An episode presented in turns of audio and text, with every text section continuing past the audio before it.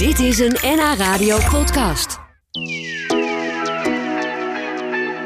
Om haar eigen voorstellingen te omschrijven, bedacht de Amsterdamse theatermaker Marjolein van Koten de term psychiatrisch cabaret. En wat dat dan precies is, daar sprak ik haar over, onder meer aan de hand van haar laatste voorstelling, Ongestoord. Ik sprak haar vlak voordat ze de laatste voorstelling van die show ging spelen. En is ze dan nog zenuwachtig eigenlijk aan het einde van zo'n hele reeks? Soms ben ik bijna niet zenuwachtig. Maar dan valt het me echt op. Dus Dat is een uitzondering. Ik ben gewoon altijd zenuwachtig. Ja. Ik merk ook altijd de volgende dag dat ik spierpijn heb. En dat ik, dat ik gewoon echt moe ben. Dus dat het toch een aanslag is op mijn lijf. Ja, maar dat is eigenlijk ook logisch, toch? Ja, Want je- ja, ja, want je staat zo gefocust. Je staat zo op hoogspanning. En dat is ook heel lekker. Het is, Ja. het is niet iets waar ik over zal klagen. Nee, het is want niet. het is geen angst. Het is geen paniek meer. Dat, Nee. dat is het ook heel lang geweest. Ja, want eh, jij hebt zelf de term psychiatrisch cabaret bedacht voor, Ja. voor wat jij maakt. Eh. Wat is dat precies? Wat, Nou ja, Doe je ik daarmee? Heb, eh, het, is, het is een cabaret over ja, psychiatrie, over psychologie inmiddels eigenlijk. Want ik heb twintig jaar paniekaanvallen gehad. Ik, ik, ik, ik was dus echt een patiënt in de GGZ. Eh, ik heb ook een jaar in groepstherapie gezeten, dat je echt in dagbehandeling bent. Dus ik ben echt wel eh, behoorlijk ziek geweest.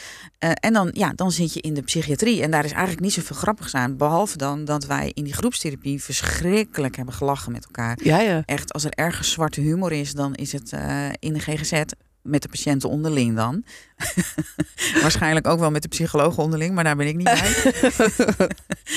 en ehm, ja, dat we daar zo vreselijk konden lachen en dat dat zo helend was voor ons en relativerend. En ja, toen dacht ik later, ja, dat, dat is eigenlijk ook echt emanciperend. Als je ergens grappen over mag maken, dan emancipeer je het ook. En eh, Dan nou maak ja. je het misschien ook voor jezelf minder zwaar. Zeker. Dan maak je het echt voor jezelf minder zwaar. En je helpt ook je omgeving om het wat luchtiger te zien. Want het is niet alleen maar kommer en kwel. En het- er wordt ook gewoon heel erg gelachen. En het helpt natuurlijk heel erg als je jezelf ook kan uitlachen om je achterlijke Ja. angsten of, of dwanghandelingen. Of ja, iedereen weet zelf ook wel dat het onzin is. Ja, Maar angst is helaas eh, niet op ratio gebaseerd. Anders nee. was, het, was het snel klaar.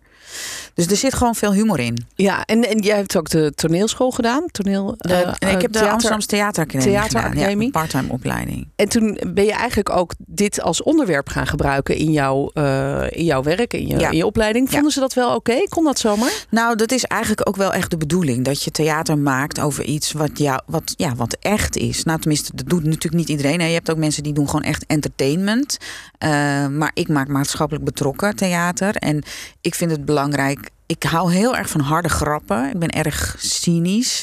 Maar er moet wel een laag onder zitten van authenticiteit. Het, het gaat echt ergens over. En Ja. dat maakt ook dat het grappig is. Ja, maar dat, komt, dat is omdat jij het zelf hebt meegemaakt. Ja, dat vind ik wel dat is belangrijk. die laag. Ja, ja want ik, ik wil geen andere mensen voor schut zetten. Dat doe ik ook niet. Maar, maar ik kan wel mezelf heel erg voor schut zetten. En dat is dan heel herkenbaar. Want de dingen waar ik mee worstel...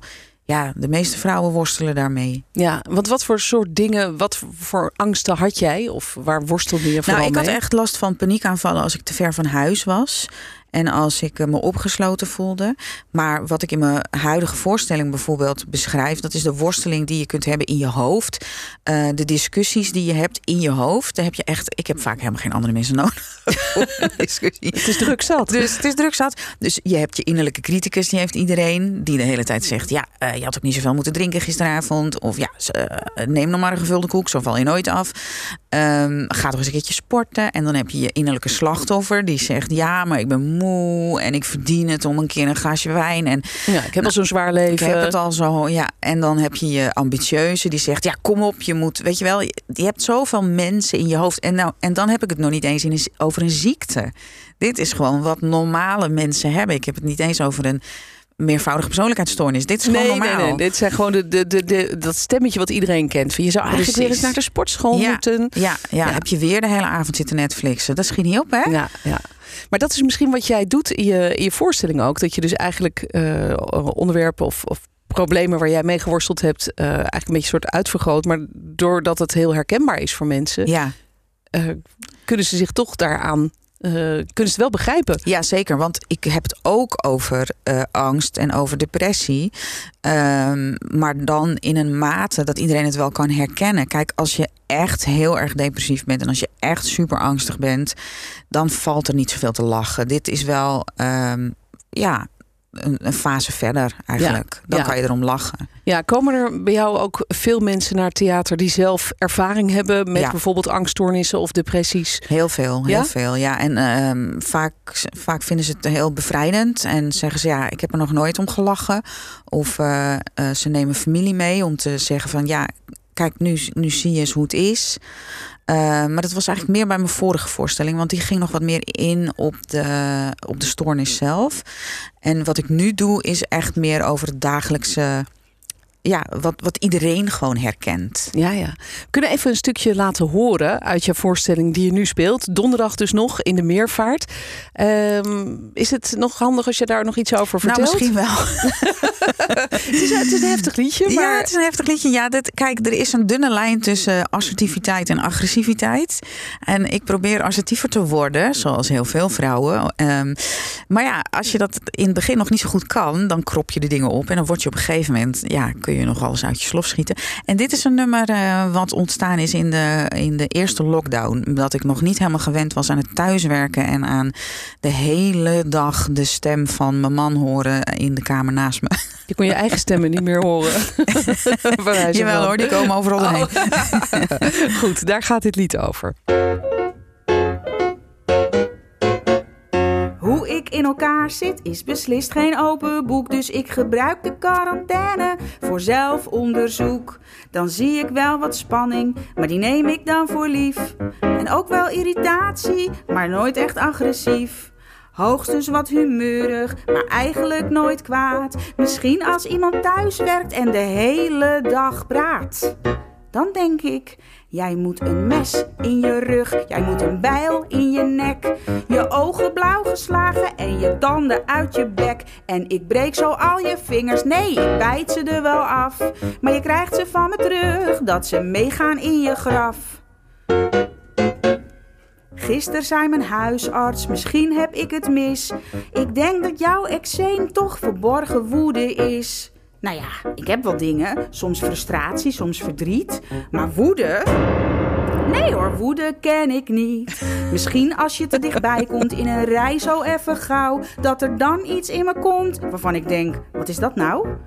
Jij moet een mes in je rug, jij moet een stok in je En zo voort. Ja, ja. Maar, de, maar dat gevoel van je komt er dichtbij, het Ja. ergert me, dat, dat zal heel veel mensen bekend voorkomen. Tuurlijk, ja. En, en, en dat is misschien ook de grap in, bij jou in de zaal. Ja. Dan, dan zitten mensen, die kunnen zich toch herkennen. Nou ja, kijk, en dit nummer is zo Ja. extreem. Dit, Ja. Het is zo onredelijk en zo grof. En eh, daardoor is het ook heel geestig. Maar het, het, eh, de, de liedtekst trouwens is geschreven door Jos Groot. Moet ik er even bij zeggen. Oh ja.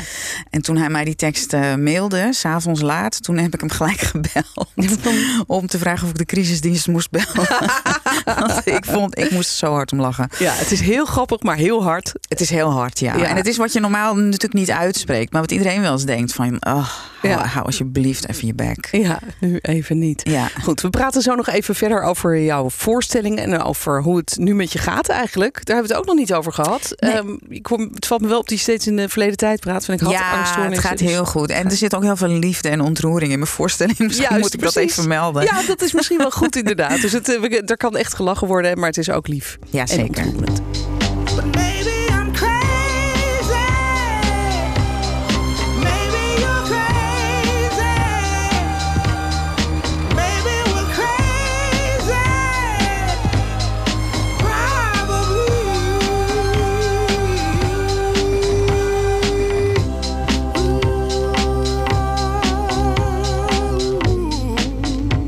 Barkley op NH Radio met Crazy. En mijn gast van vandaag is eh, theatermaker Marjolein van Kooten. En dit is het slotnummer van haar voorstelling. En dan weet je altijd dat, eh, dat het weer erop zit. En dat het eh, hopelijk dan goed is gegaan. Ja. En dan met wat voor gevoel lopen de mensen dan de zaal uit eigenlijk?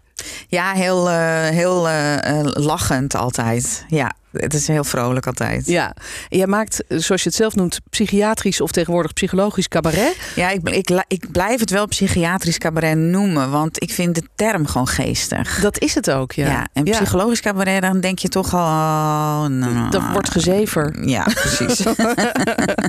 ja, nee, dit is psychiatrisch cabaret, maar er is zeker veel om over te lachen. Maar je, je neemt jezelf ook op de hak en Ja. probeer je ook een beetje het taboe te doorbreken? Want dat is er denk ik nog dat steeds, is echt toch? het doel ervan. Ja, dat is echt het doel ervan. Dat is eigenlijk het doel. eh, Wat, ik ben ook directeur van de Angst, Dwang en Fobie Stichting, patiëntenorganisatie voor mensen met angst en dwang.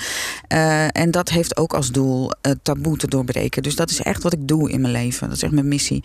En eh, zo'n voorstelling is gewoon een heel luchtige manier ook om dat te doen. Want het is gewoon een avondje uit. Er zit zeg maar een derde patiënt in de zaal, eh, een derde behandelaar. Er komen heel veel behandelaren ook Oh, ja? naartoe. Ja, en huisartsen. En, maar ook gewoon cabaretliefhebbers. Want het is ook gewoon een normale cabaretavond. Ja. Dus die krijgen het ook even mee. Die krijgen het ook mee, zeker. En ehm, het theater zegt wel vaak dat er eh, heel veel nieuw publiek op afkomt. Heel veel mensen die ze normaal niet zien. Oh, bijzonder. Dus ja, het trekt ook gewoon nieuw, nieuw publiek. Dat is heel leuk. Ja, hoe was dat voor jou zelf eigenlijk toen je begon? Want jij bent dus jouw eigen ervaringen eh, in de psychiatrie, je angststoornissen als onderwerp gaan Ja. gebruiken. Nou, op de theaterschool vonden ze dat eh, prima. Ehm, maar eh, hoe was dat voor jou zelf om het podium op te gaan met zo'n ja, toch heel persoonlijk verhaal en, en, en ook met grappen over jezelf, terwijl daar toch een soort taboe op rust? Nou, dat was voor mij eigenlijk de enige, het enige wat ik kon doen. Dat was mijn, ik had geen andere keuze, want dat was nou eenmaal wat mij bezig hield. En ik vond het verschrikkelijk dat het zo moeilijk was om erover te praten. Ik heb mezelf heel lang geschaamd voor mijn angstklachten en ook voor mijn depressie. Ehm, en daar was ik het niet mee eens, maar het voelde wel zo. Dus ja, ik dacht, daar moet het gewoon over gaan. Ik wil dat het erover kan gaan. Ik wil dat je erover kan praten. En dan zie je ook dat na afloop eh, heel veel mensen in, in gesprek zijn met elkaar. En dat ook zeggen, laten horen aan mij van... Ja, nu hebben we een heel mooi gesprek gehad erover. En dat was eerder niet gebeurd. Ja, dat, dat, dat is gewoon mijn doel. Dat vind Ja. ik geweldig. Dat is waar het je allemaal voor doet. Ja, En, hoe, en hoe gaat het met je? Want je zei net, ik, eh, het gaat goed. ja het gaat hartstikke goed. Het gaat echt heel goed met mij. Ik ben nu eh, bijna acht jaar, zeven, tussen zeven acht jaar klachtenvrij. Eh, ik ben natuurlijk nooit helemaal klachtenvrij. Het is echt wel mijn zwakke punt. Dus iemand met migraine die krijgt eh, hoofdpijnaanvallen als het eh, een mindere periode is. En bij mij is dat angst. De- de- een half jaar geleden is mijn broer overleden. En dan krijg ik wel weer meer angst- en paniekklachten. Maar Blijft een soort zwakke plek eigenlijk. ja, ja, maar het is niet meer standaard. Het gaat gewoon goed. Ja. Wat fijn om te horen. En je voorstelling heet eh, Ongestoord. Ja, Heeft dat daar ook mee te maken? Ja. Dat dus... Ja, dat ik nu denk, ja, ik ben nu ongestoord. Maar ik vraag me dan wel gelijk af, wat is dat eigenlijk, ongestoord? Want wat is eigenlijk normaal zijn? En wat is het verschil tussen normaal en, eh, en gek? Ja, en, en is het zo fijn om ongestoord te zijn? Nou, dat vraag ik me ook af. Ja? Ja, precies. Ja, ik, had- nou, ik had echt gedacht, toen ik nog zoveel klachten had, dacht ik, het- mijn leven gaat veel overzichtelijker worden. Als ik eenmaal van die angst af ben. Maar dat blijkt eh, niet zo te zijn. Nee? Ik ben natuurlijk veel minder beperkt. Ik ben heel blij dat ik minder angstig ben. Maar ehm, het, ja, er is niet zoveel verschil. Echt niet. Nou, dat vind ik toch bijzonder om te horen. Ja. En dat, dat is misschien ook heel leuk voor, om te horen voor de mensen die in de zaal zitten. Ja, tuurlijk. Ja, want ja, ja, wat is een normaal mens? Ik bedoel, Ja, ik weet niet wat sowieso. het is, normaal zijn. Nee. nee, en ik denk dat, dat de mensen die naar jouw voorstelling komen heel veel eh, dingen zullen herkennen van de verhalen die je vertelt. Ja. Die ze misschien zelf in het klein hebben, die bij jou dan wat groter waren. Ja. Ehm, maar dat ze daardoor ook meer begrip krijgen voor mensen in, in hun omgeving die misschien worstelen met, met ja, angstklachten. en ook wel de gewone dingen van de gewone mensen. Het is niet Ja. alleen voor mensen die klachten hebben. Nee. Dus eh, het gaat ook over de irritatie van eh, omvallende tupperwarebakjes en glijdende dekseltjes van de tupperwarebakjes. Die Dat in is die, ook in irritant. In die, ene la die je nooit op orde krijgt, weet je wel. Dat soort dingen zitten er Ja. ook in. Zo'n la hebben we allemaal. Zo'n la heeft iedereen. Dat is een leuke titel voor de volgende voorstelling. Maar daar ben je al mee bezig, begrijp ik. Daar gaan we dan eh, over praten als die klaar is. Wanneer, wanneer is dat, denk je? Of ga je eerst Eh, daar even... ga ik mee try-outen pas in november. Oh. Maar ik heb wel al een titel en die is Hoe vind je het zelf gaan? Die vind ik nu wel leuk. Heerlijk. Goed, eerst nu eh, de andere voorstelling even afmaken. Ja, En ik wens jou nog heel veel succes met eh, die laatste paar Ja. voorstellingen. ja joh. En dank dat je er was.